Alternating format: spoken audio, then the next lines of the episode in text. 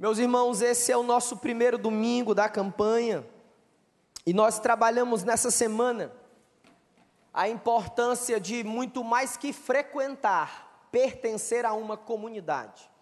Então, você que nos acompanha pela internet ou você que está nos visitando, você diz: Olha, Deus tem falado no meu coração que eu preciso fazer parte dessa igreja. Eu quero convidar você a preencher esses formulários que nós temos aí na frente. Se você tiver alguma dúvida, eu vou estar lá na tenda, pastor Tiago vai estar lá, os pastores vão estar ali, aqueles que conseguirem chegar lá, para a gente tirar suas dúvidas. Como é que eu faço, pastor, se eu venho de uma outra igreja e quero fazer parte da Igreja Batista do Recreio? Nós vamos orientar você. Ou talvez você diga assim: olha, eu não tomei decisão para batizar ainda. Nós vamos instruir você, sabe por quê? Porque só tem um critério para que você possa ser batizado: você crê em Jesus. Então, se você crê, diz a palavra de Deus que você precisa ser batizado. É assim que nós queremos construir, edificar uma igreja saudável, uma comunidade forte em Jesus. Porque quando nós temos uma, comuni uma comunidade forte que se reúne aqui nas casas, certamente nós vamos exercer um impacto espiritual poderoso aonde a gente for e aonde a planta dos nossos pés tocarem. Amém? Ih, senti firmeza não. Amém, irmãos? Amém. Louvado seja Deus. Abra sua Bíblia por gentileza. No livro de 1 Samuel. Esse faz parte dos livros históricos no Antigo Testamento.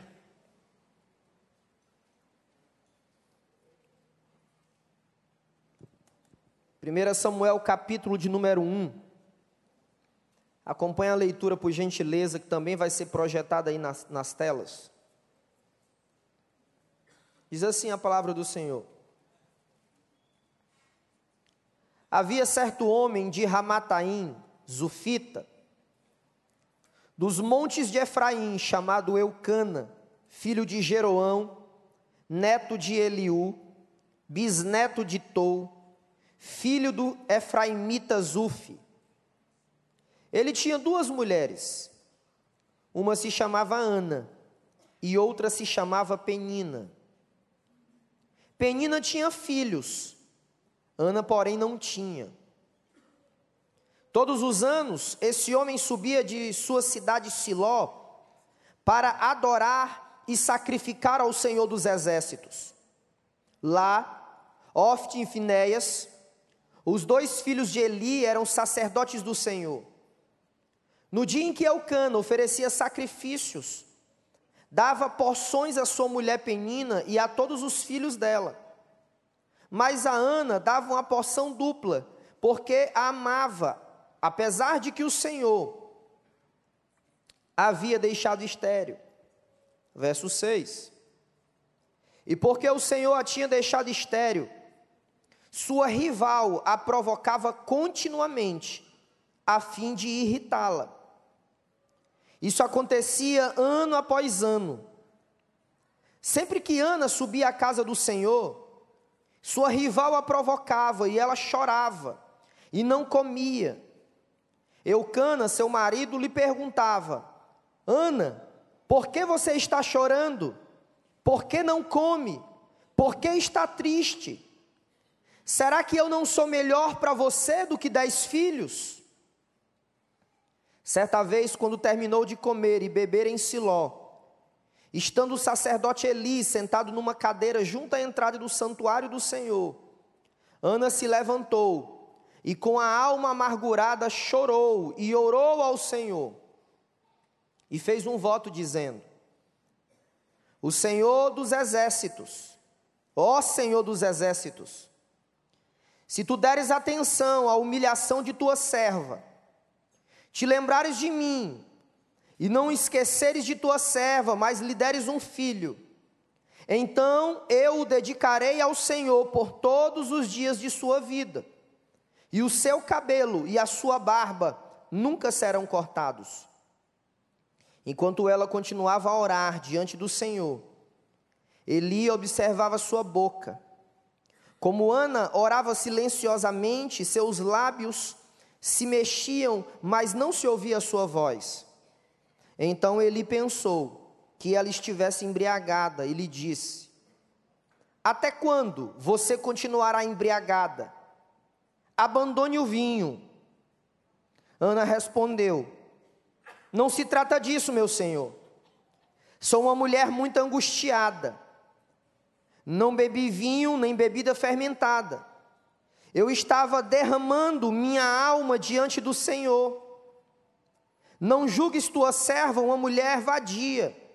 Estou orando aqui até agora por causa da minha grande angústia e tristeza. Verso 17, ele respondeu: Vá em paz, e que o Deus de Israel lhe conceda o que você pediu. Ela disse: Espero que sejas benevolente para com tua serva. Então ela seguiu seu caminho, comeu, e seu rosto já não estava mais abatido. Na manhã seguinte, eles se levantaram e adoraram o Senhor. Então voltaram para casa em Ramá. Eucana teve relações com sua mulher Ana, e o Senhor se lembrou dela.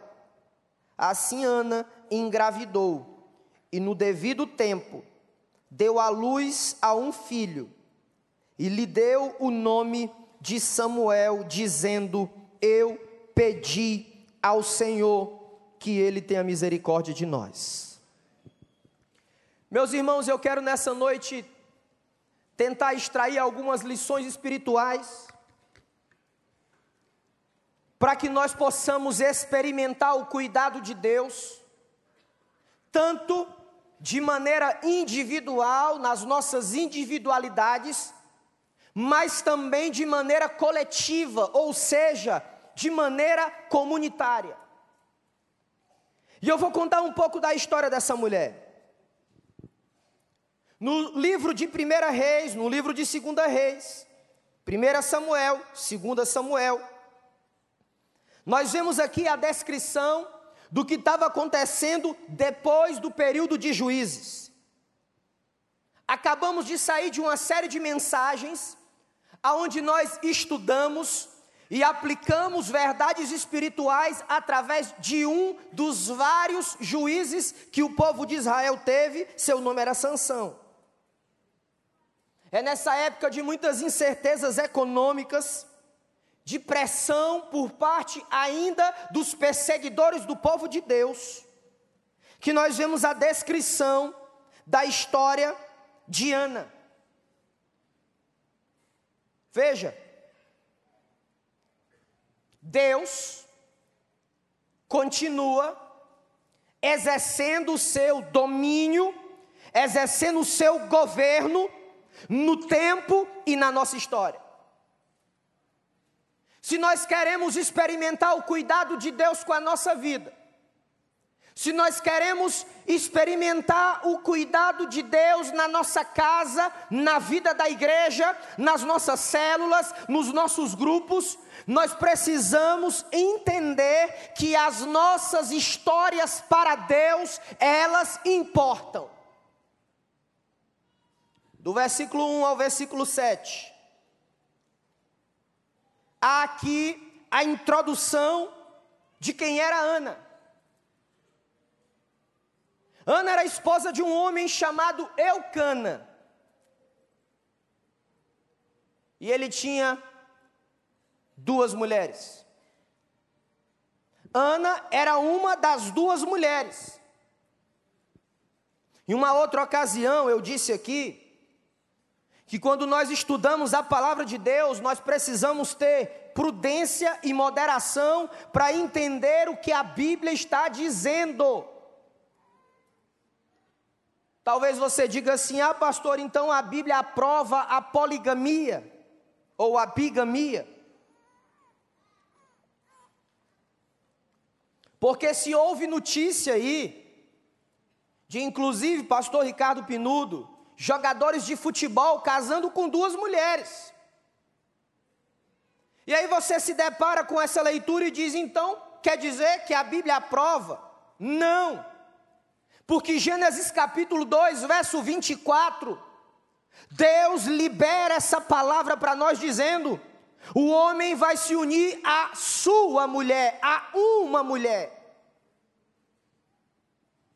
Sabe uma das coisas mais lindas na Bíblia? É que ela não esconde os desastres na vida dos seus heróis. Porque perceba, traga agora à sua memória que grandes homens de Deus tomaram decisões completamente equivocadas, quando se uniram, quando tiveram mais de uma mulher dentro de suas casas ou fora de suas casas. Por exemplo, Abraão. Por exemplo, o próprio Jacó, Gideão, Davi, Salomão, e Eucana era uma dessas pessoas. Eucana tinha filhos com Penina, mas ele não tinha filhos com Ana. E o texto diz que aquela mulher amargava a dor de ser estéril, a dor de não gerar filhos. Mas preste atenção, as nossas histórias, seja elas quais forem, elas importam para Deus, porque Deus tem prazer em cuidar das nossas vidas. Deus tem prazer de dizer: meu filho, minha filha, eu vou entrar na tua história e eu vou agir com o meu poder, com a minha graça, que é suficiente para você. Mas tem um detalhe nessa história. Do versículo 1 ao versículo 7. Essa narrativa parece uma novela. Alguns eruditos, estudiosos do Antigo Testamento, diz que os enredos, os recursos usados, eram de maneira que nós pudéssemos entrar nas cenas bíblicas. E pensa comigo, ela vivendo a dor de não poder gerar filhos, e aí Penina, que era uma das mulheres de seu marido,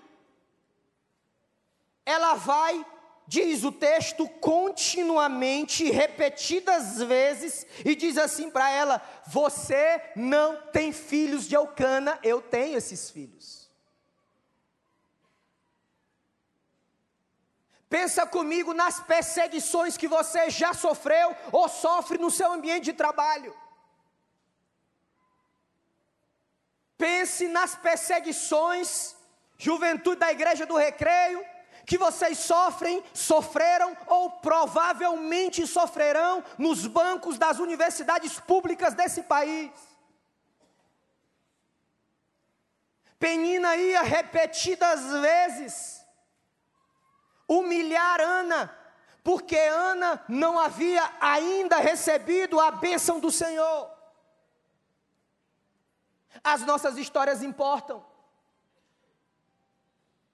Eu lembro de muitas experiências, mas uma delas recentemente, na sexta-feira, Aliás, na quinta-feira, quando entramos em uma das comunidades atendidas pelo Centro de Ação Social, do qual você contribui com o seu dízimo e com a sua oferta, o Casa Cap. E nós entramos naquelas vielas cheias de lama. E Deus começou a gerar no nosso coração uma misericórdia muito grande. Eu lembro que um dos nossos jovens que foi ali para gravar, para que nós pudéssemos mobilizar você para se envolver nessa obra. Esse jovem saiu com a câmera na mão, com os olhos cheios de lágrimas e disse: Pastor, não dá para mim não, é forte demais. E quando eu, pastor Ricardo Pinudo, Tiago, entramos naquela casa, colocamos a mão no queixo e perguntamos quantas crianças tem aqui.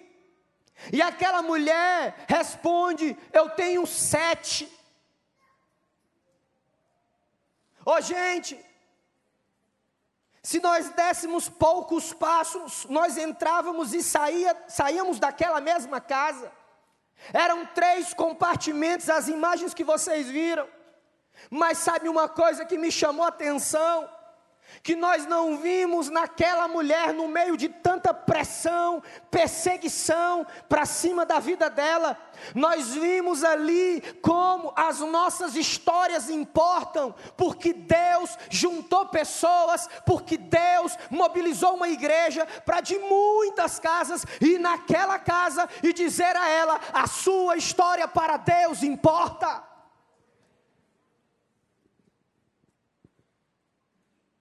As nossas histórias importam. Eu lembro que, ainda na cidade de Fortaleza, na minha juventude, eu, aos 14 anos, tive o desprazer de conhecer o álcool. Eu lembro que no mês de junho, no Nordeste, era um terror. Porque era exatamente o mês dos grandes festejos em todas as cidades, praticamente do Nordeste brasileiro. Eu lembro que um dia, alcoolizado, voltando de uma dessas festas com 15 anos de idade, ainda na minha adolescência, eu estava alguns quarteirões de casa, se eu não me engano, era mais ou menos uns 12 quarteirões da minha casa, e eu tinha que ir andando. Já era de madrugada, eu estava muito cansado. As minhas pernas estavam trêmulas, eu havia bebido demais. E eu me deitei numa calçada. E provavelmente eu fiquei ali uns 20, 30 minutos, até que um casal passou e disse: Ei, se você não sair daí, você vai ser roubado, você precisa sair daí. Onde é que você mora? E eu disse: Ah, eu moro alguns quarteirões daqui. E quando eu comecei a experimentar a mensagem do Evangelho, você sabe como é que a graça me alcançou? Foi dentro de uma van. Quando naquela época eu ia para a Universidade de Fortaleza, e naquela ocasião eu tinha entrado no curso de Ciências Econômicas. E um amigo de muitos anos sentou do meu lado e começou a compartilhar a graça de Deus comigo e dizer: Olha, a sua história para Deus, ela importa. Ele diz: Vamos fazer o seguinte. No dia tal, você vai lá para a porta da casa da minha namorada, nós vamos de lá para a igreja. Eu lembro que talvez uma das maiores ansiedades da minha vida foi que as horas daquele relógio passassem, para que eu pudesse ir no lugar chamado igreja. Eu lembro como se fosse hoje à noite, pastor Paulo Cunha pregando a palavra de Deus, ele havia sido jogador do time de vôlei de Minas Gerais, ele tinha quase dois metros de altura e ele pregando a palavra de Deus, ele pregando a palavra de Deus. E quando ele fez o apelo, eu senti o poder de Deus no meu coração. E uma das coisas que ele disse que me marcou profundamente até hoje, ele disse: Olha, a sua história para Deus ela importa. Se você quer viver uma história com Deus, vem aqui, eu quero orar por você. E eu lembro que eu saí do meu lugar, fui andando, eu sentava nos bancos de trás nesse dia, por três domingos, na verdade, sentei nos bancos lá atrás, mas saí até a frente. Quando ele tocou na minha mão, ele disse: Marcos, discípulo de Jesus. Mas aí, não era a penina, mas era outra e outras pessoas que me instigavam o tempo inteiro. Mas como você vai seguir o caminho desses cristãos? Veja a sua vida. Essa bênção que eles falam não chegou na sua casa ainda, não chegou na sua vida. Presta atenção, gente. Sabe aonde era a calçada que eu havia caído alcoolizado? Era no chão, de anos depois de um lugar chamado Igreja Batista Monte Oreb, onde eu fui ordenado um pastor batista para a glória de Deus, e nessa noite eu vim aqui para te dizer que a tua história não, não importa como ela tenha sido escrita, importa para Deus, Ele quer cuidar de você. Se é para o Senhor, aplauda mais forte. Ele é Senhor do tempo e da história. Mas Penina estava atrás dela e perturbava Ana o tempo inteiro. Veja agora o versículo 8. O versículo 8 diz que ela estava tão angustiada, tão angustiada, e o marido perguntou assim para ela: Ana, por que é que você está chorando? Por que é que você não come? Por que é que você está triste? Será que não sou melhor do que dez filhos? Eu gosto de perguntas. Perguntas bem feitas. Perguntas bem trabalhadas. Elas podem gerar confrontos na nossa vida, não para nossa vergonha, mas podem gerar confrontos para nossa restauração. Ele vai até ela e faz essas perguntas. Mais interessante quando ele diz o seguinte: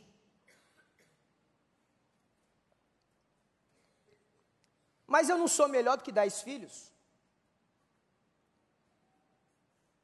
Nos textos originais no hebraico, esse versículo dá a ideia de que Eucana estava dizendo o seguinte: olha, mas eu sou melhor do que uma grande família. Se nós queremos viver o cuidado de Deus, de maneira individual, de maneira comunitária, porque na história do povo de Deus, a igreja e o povo vivem de maneira comunitária. Nós precisamos saber, nós precisamos conhecer o que satisfaz a nossa alma. Às vezes, como pais, caímos na armadilha de achar que algumas coisas satisfazem os nossos filhos, quando na verdade não satisfazem.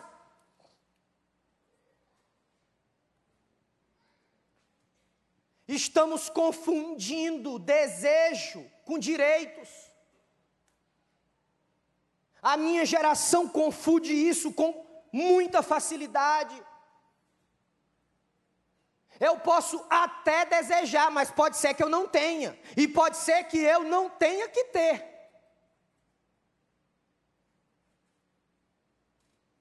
A nossa tristeza pode ser produto de uma insatisfação em alguma área da nossa vida.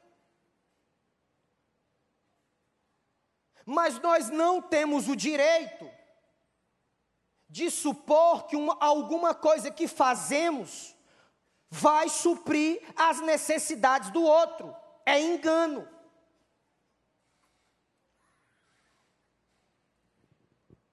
A única coisa, coisa que satisfaz a nossa alma é a glória de Deus. É a presença de Deus. Perceba.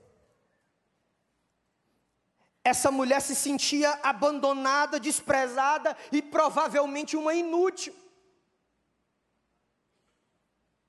As evidências da tristeza de Ana estavam debaixo dos olhos de Alcana, mas ele não conseguia enxergar e ela muito menos conseguia dizer: Meus irmãos, em nome de Jesus, Abramos as nossas bocas para compartilhar a dor da alma da gente.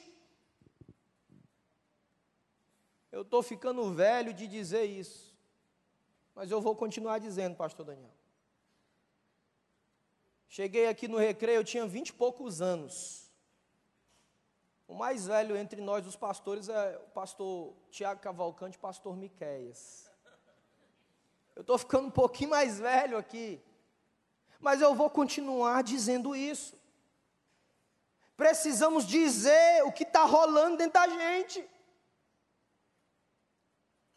Talvez Ana tivesse a grande chance de dizer: Ei, meu marido, eu me sinto rejeitada por você. Ei, meu marido, eu me sinto uma inútil.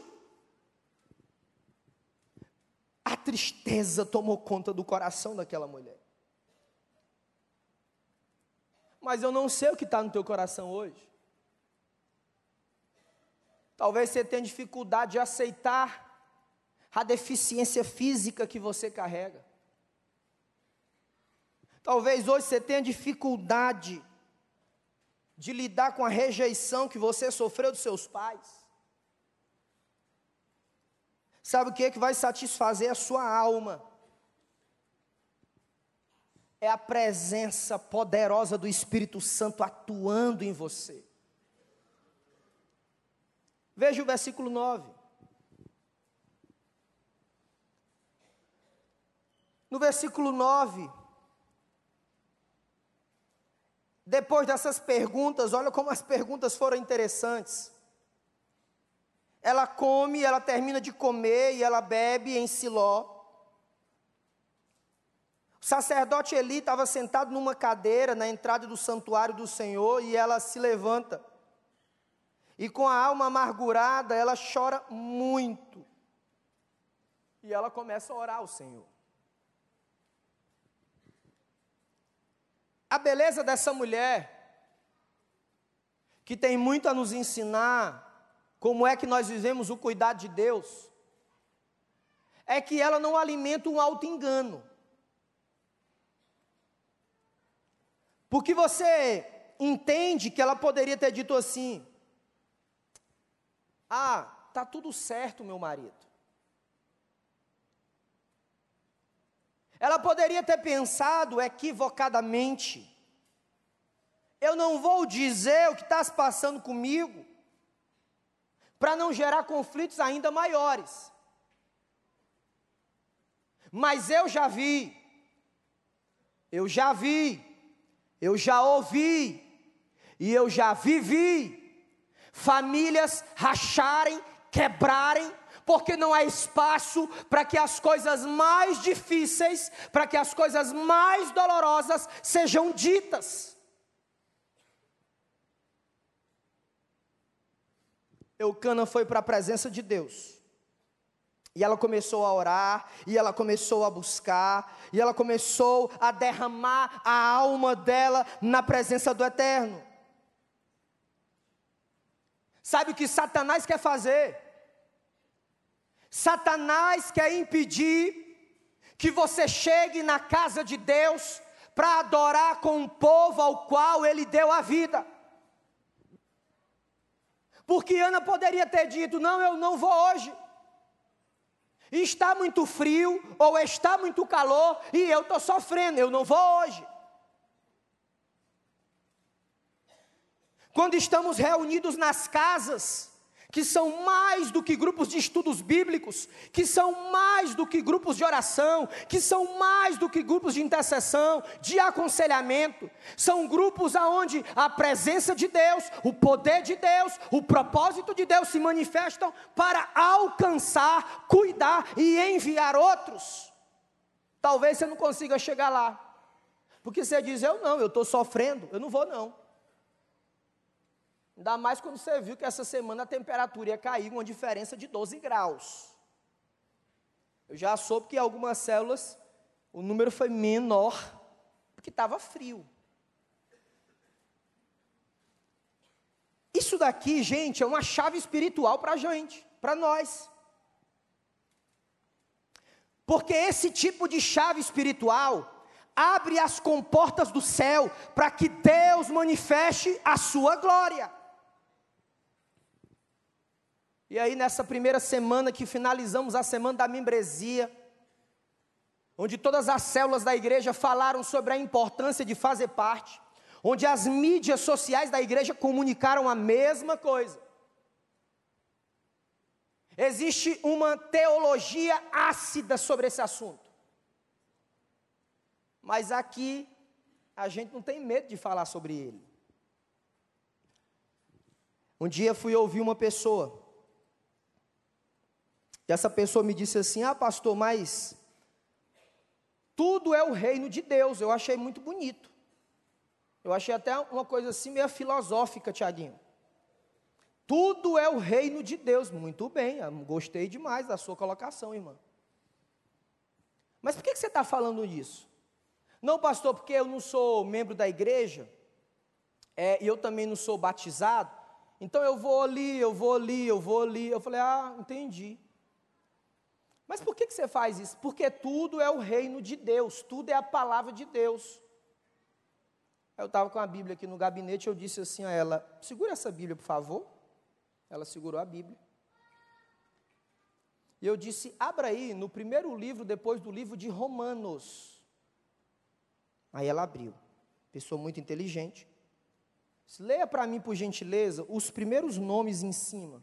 Aí ela disse 1 Coríntios, 2 Coríntios, foi descrevendo. Efésios e tal, Filipenses, Tarara, Colossenses, tudo mais. Eu perguntei para ela, isso é reino de Deus, essas igrejas? Porque essas cartas foram direcionadas para as igrejas. É reino de Deus? Ela respondeu, é. E eu disse, então, por que não era apenas uma carta para todas elas? Você sabe por quê? Porque Deus tem propósitos específicos para cada igreja que foi plantada nessa terra. Deus tem projetos que Ele quer realizar através dessa igreja, através da sua vida, através da vida da outra igreja, através da vida do seu povo espalhado na face da terra. Eu preciso saber onde Deus me quer. Talvez você está pensando aí, ah, mas nós vivemos uma sociedade onde não se quer compromisso. Eu concordo plenamente. Mas quem disse que a sociedade reflete os valores de Deus? Quem falou isso? Ô, gente, muitas vezes nós ficamos arrumando muitas desculpas. Pastor, mas eu fui ferido em 1972. Então eu tenho medo de fazer parte de uma comunidade de fé, eu tenho medo de fazer parte de uma célula porque eu fui ferido em 1945.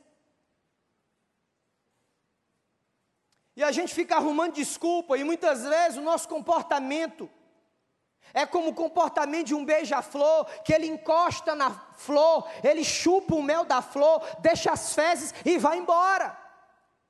O Brasil está cheio de pessoas que abarrotam os prédios das igrejas e não tomam decisões de assumirem compromissos com uma igreja local, de sonhar os sonhos que Deus está gerando.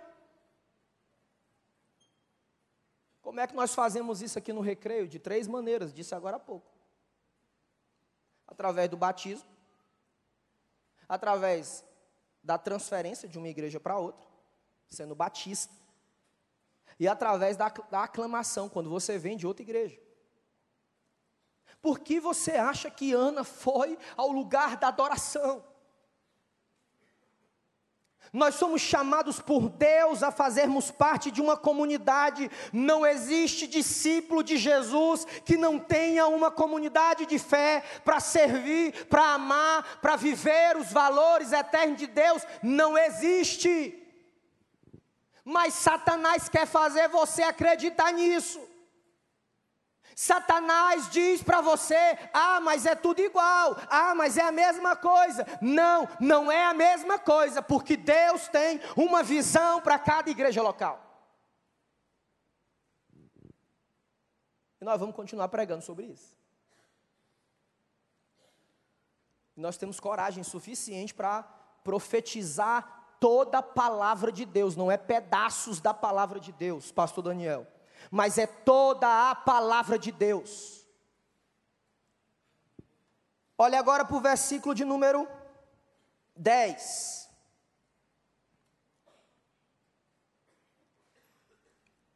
Ela entra no santuário do Senhor, ela se derrama completamente no altar do Senhor.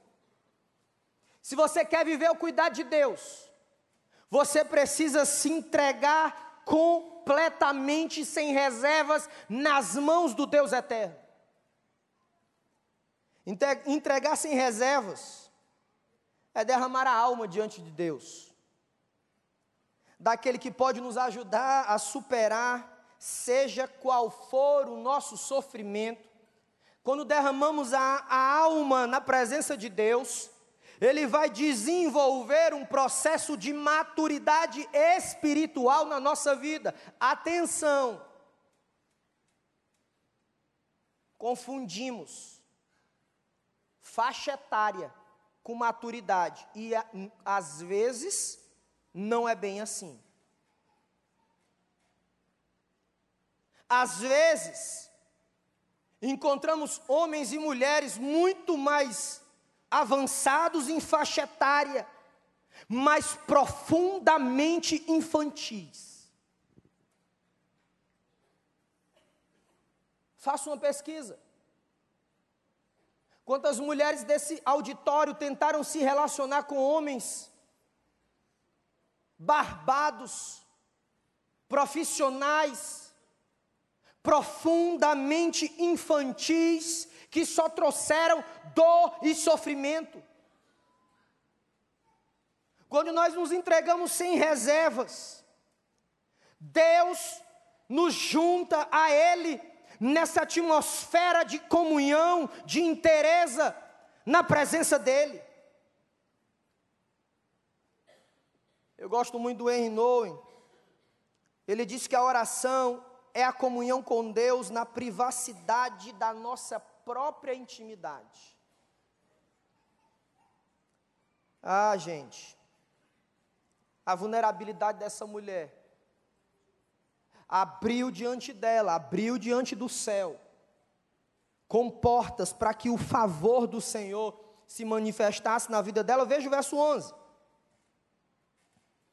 O versículo 11 diz que ela fez um voto ao Senhor, dizendo: Olha, Senhor dos exércitos, se tu deres atenção à minha humilhação, à tua serva, se lembrares de mim e não te esqueceres, mas lhe deres um filho, então eu o dedicarei ao Senhor por todos os dias da sua vida.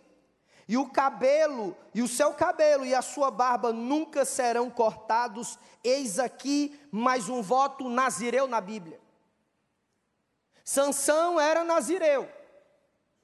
E aqui nós vemos também Ana dedicando ao Senhor aquilo que ela ainda não tinha, e dizendo: Olha, Senhor, se o Senhor entregar nas minhas mãos, eu vou dedicar a Ti. Isso se chama voto, não é promessa, crendice ou mandinga. Eu tive uma experiência muito interessante. Voltei hoje à tarde da cidade de Juiz de Fora, preguei lá no sábado, preguei de manhã duas vezes. E cheguei até aqui e ouvi muita coisa preciosa na palavra de Deus. Comecei com um casal chamado Hamilton e Elionai. E eles falaram do voto que o filho deles havia feito com Deus. O filho dele, como a maioria dos grandes brasileiros, vivia um perrengue grande. Ele, talvez ele vendesse a, o almoço para comprar a janta. Músico de altíssimo nível. Havia tocado tuta com as maiores bandas do Brasil. E uma banda famosíssima do estado de Minas Gerais. E ele disse: Deus, eu estou ganhando muito bem, mas eu não quero continuar. Era uma questão dele com Deus. Ele diz: Senhor, abre uma porta para mim, eu não quero mais. E o filho desse casal passou um tempo ainda sem emprego, sem trabalho, mas mantendo o voto dele com o Senhor. E sabe qual foi o voto dele? Ele disse: Deus, se o Senhor me ajudar a colocar uma padaria, eu quero, enquanto eu tiver essa padaria, eu for vivo, doar os pães da ceia para a glória do Senhor. E sabe há quanto tempo isso vem acontecendo? Há muitos anos. Voto com Deus. Precisamos resgatar essa visão de votos com Deus e, obviamente, votos que possamos cumprir, não pela força do nosso braço, mas pela força e pelo poder da graça atuando na nossa vida. eu não consigo ver nessa declaração de Ana uma troca, uma barganha com Deus, mas eu consigo ver um profundo sentimento de devoção.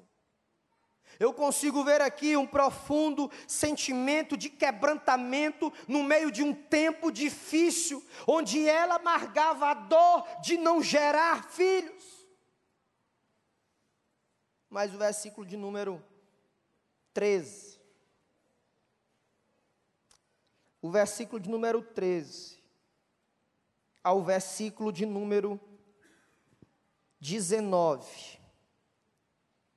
Aliás, é o versículo de número 17. Tem uma situação tanto quanto desastrosa aqui.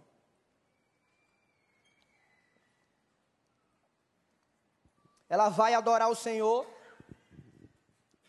e eis que está lá Eli, sacerdote. E Ana, quando ela vai adorar o Senhor, ela faz algo diferente daquilo que os hebreus faziam. Porque se você lê o livro de Salmos, grande parte do livro de Salmos eram canções que o povo de Deus entoava no meio do deserto. Então os hebreus, eles não oravam em silêncio, mas eles falavam as suas orações. Ana estava fazendo diferente. Aqui, para mim, Eli representa os padrões da religião. E ele vai até ela, além dele atrapalhar o momento dela com o Deus que estava falando o coração, ele ainda diz assim: Olha, você está embriagada.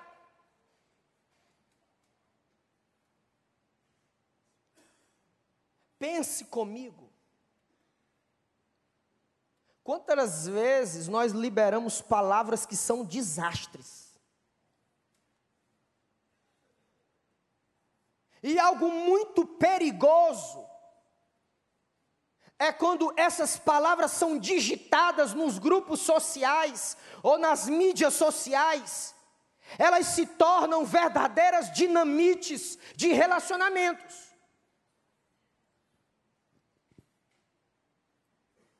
Sabe o que a palavra filha de Belial significa em outras traduções, mas no original no hebraico?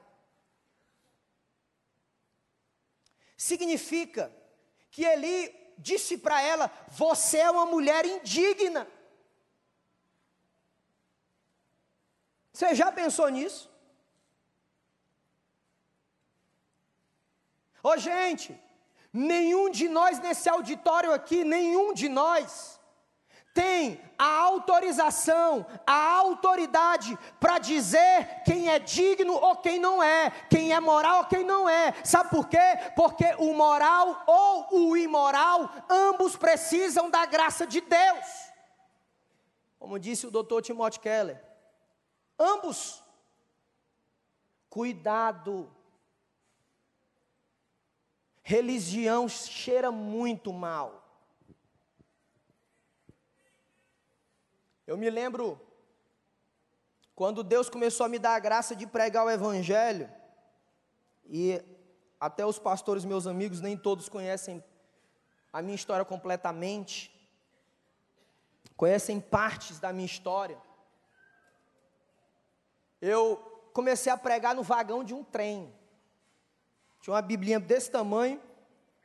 Segunda-feira de manhã, eu só ia para a universidade à tarde, eu dizia, Jesus, me, me ajuda, eu quero pregar essa palavra. Eu tinha um, um sermão pronto que eu passei, acho que uns seis meses pregando ele direto, toda segunda-feira. Que era Isaías capítulo 53. Pregando, pregando, pregando, pregando, pregando, pregando, pregando dentro do tempo. E aí Deus começou a me dar a graça de se envolver com jovens. E nós começamos naquela época a conduzir viagens missionárias para várias cidades do Nordeste. Eu lembro de uma delas quando fomos a Valença, no Piauí, naquela ocasião, era o maior índice de portadores de HIV do Brasil, em Valença, no Piauí, naquela ocasião. E aí o Senhor começou a me dar a oportunidade de compartilhar a palavra de Deus nas igrejas. Aí eu lembro de uma situação muito inusitada, pastor Tiago Pedro. Quando talvez meia dúzia de pastores, que na minha percepção mostravam evidências que se pareciam mais com Eli do que com Jesus. Eles parecem que fizeram um conclave, não era um conclave papal, não, era um conclave pastoral. E eles diziam assim: olha, e a gente metida inteligente pega logo aqui no queixo, né? Então, esse menino aí, ele é filho de quem? No mundo do futebol, o pastor Ricardo Pinudo me ensinou que perguntam assim: você jogou aonde? Mas no meu caso era assim: você é filho de quem?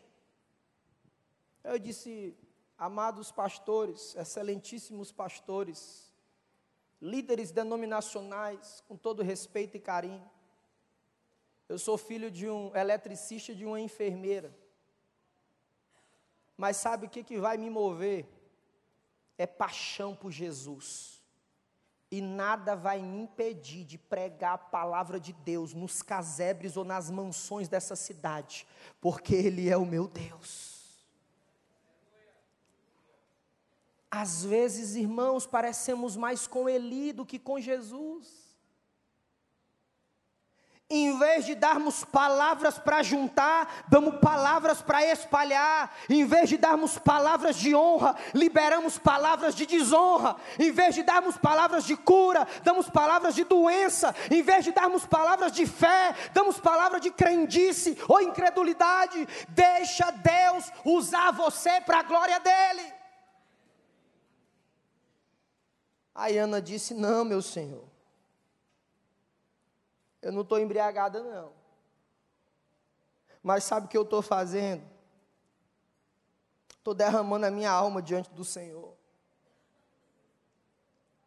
Nós precisamos, com todo carinho, com todo respeito e afeto possível, mas corrigir a nós para que não possamos se parecer com Eli, mas que possamos se parecer com Jesus, revelado através da humildade, da persistência e da devoção dessa mulher de Deus chamada Ana.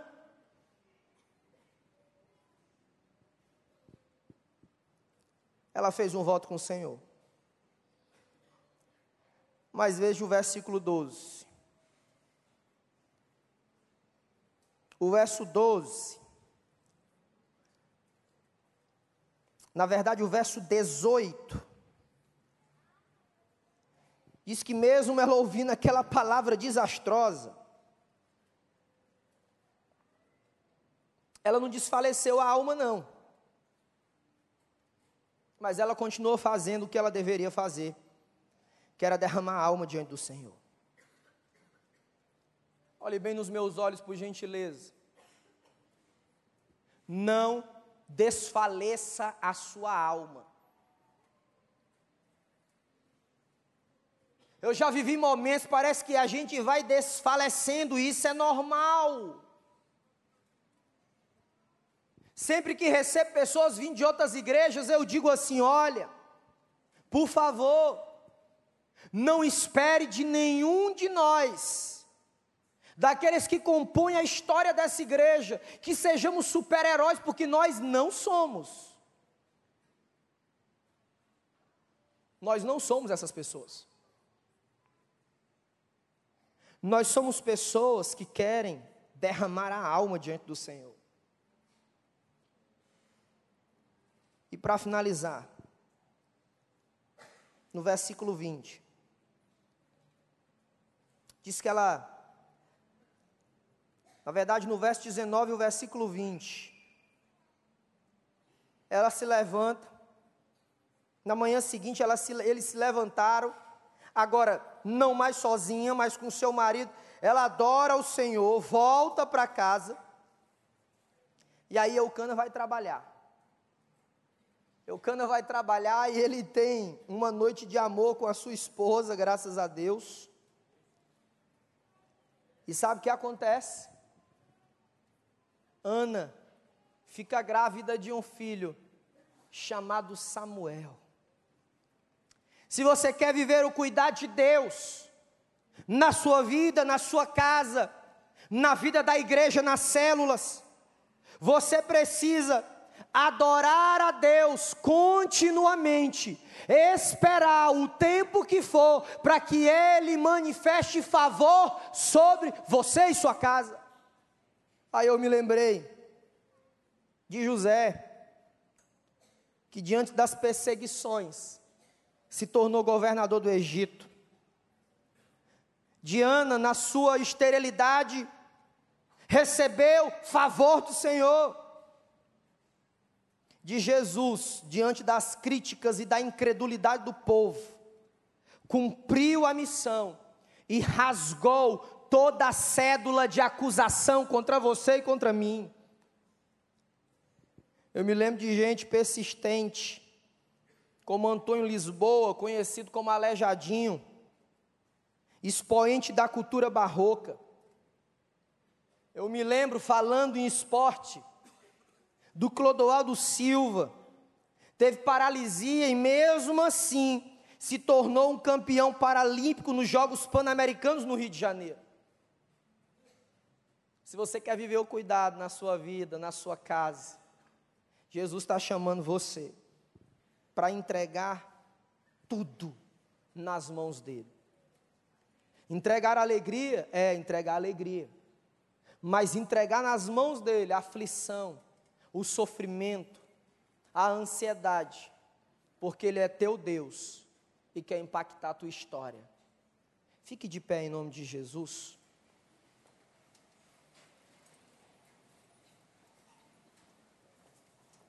Nós vamos adorar o Senhor com uma canção. Estamos ainda dentro do horário. Tranquiliza o teu coração. Vamos fazer como Ana fez. Talvez você está aí ainda atribulado, mexido na alma. Mas vamos fazer o que ela fez. Ela continuou adorando. Veio a perseguição, ela continuou adorando. Veio as críticas duras, ela continuou adorando. Então faça isso agora. Abra sua boca e adore ao Senhor. Adore ao Senhor. As, a letra vai ser projetada no, nas telas. Adore ao Senhor. Vamos trazer. Cansado e ferido estás, e o pecado Se você é conhece, canta. Demais, Jesus te chama. Se ao fim de si mesmo chegou e tua fonte de água secou Jesus te chama.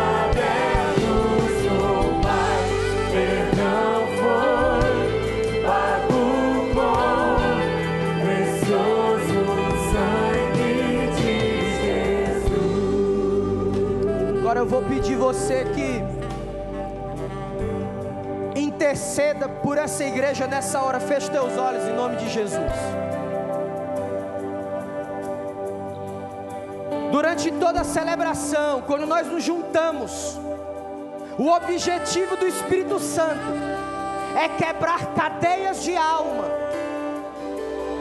é batizar pessoas com o seu Espírito para a salvação. E se o Espírito de Deus falou com você,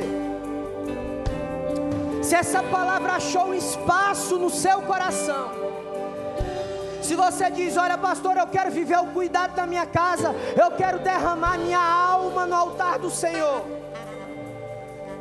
Eu quero viver o exemplo de Ana. Ana me inspira nessa noite a derramar a alma. Enquanto todos nós estamos com os olhos fechados. Eu quero que você corajosamente faça um gesto para que eu possa ver você daqui. Ergue assim a mão para o alto se o Espírito Santo falou com você. Pode erguer, estou vendo ali atrás, graças a Deus. Ergue assim com coragem, estou vendo aqui, estou vendo, graças a Deus. Ergue assim com coragem para me ver. Essa fileira aqui eu já vi, graças a Deus. Não olha para o outro, não. Olha para a sua vida. Estou vendo aqui, nessa fileira perto de mim aqui, estou vendo, graças a Deus. Estou vendo naquela fileira ali, estou vendo lá na ponta. Ergue a mão assim, ó. Deixa assim levantada que eu quero ver você. Eu quero te ver, eu quero orar pela sua vida. Agora nós vamos louvar essa canção. Pode baixar seu braço. Eu convido você a vir aqui, nós vamos clamar a Deus pela sua vida. Adora ao Senhor, adora ao Senhor. Pode sair do seu lugar em nome de Jesus. Vença a timidez, pode sair em nome de Jesus. Pode sair, o Espírito Santo falou com você, pode sair em nome de Jesus. Pode sair em nome de Jesus. Pode sair em nome de Jesus. Oh Espírito Santo de Deus. Quebra cadeias, liberta vidas. Aleluia. Pode sair, há espaço para você. Aleluia, Deus. Pode sair no seu lugar, pode sair em nome de Jesus.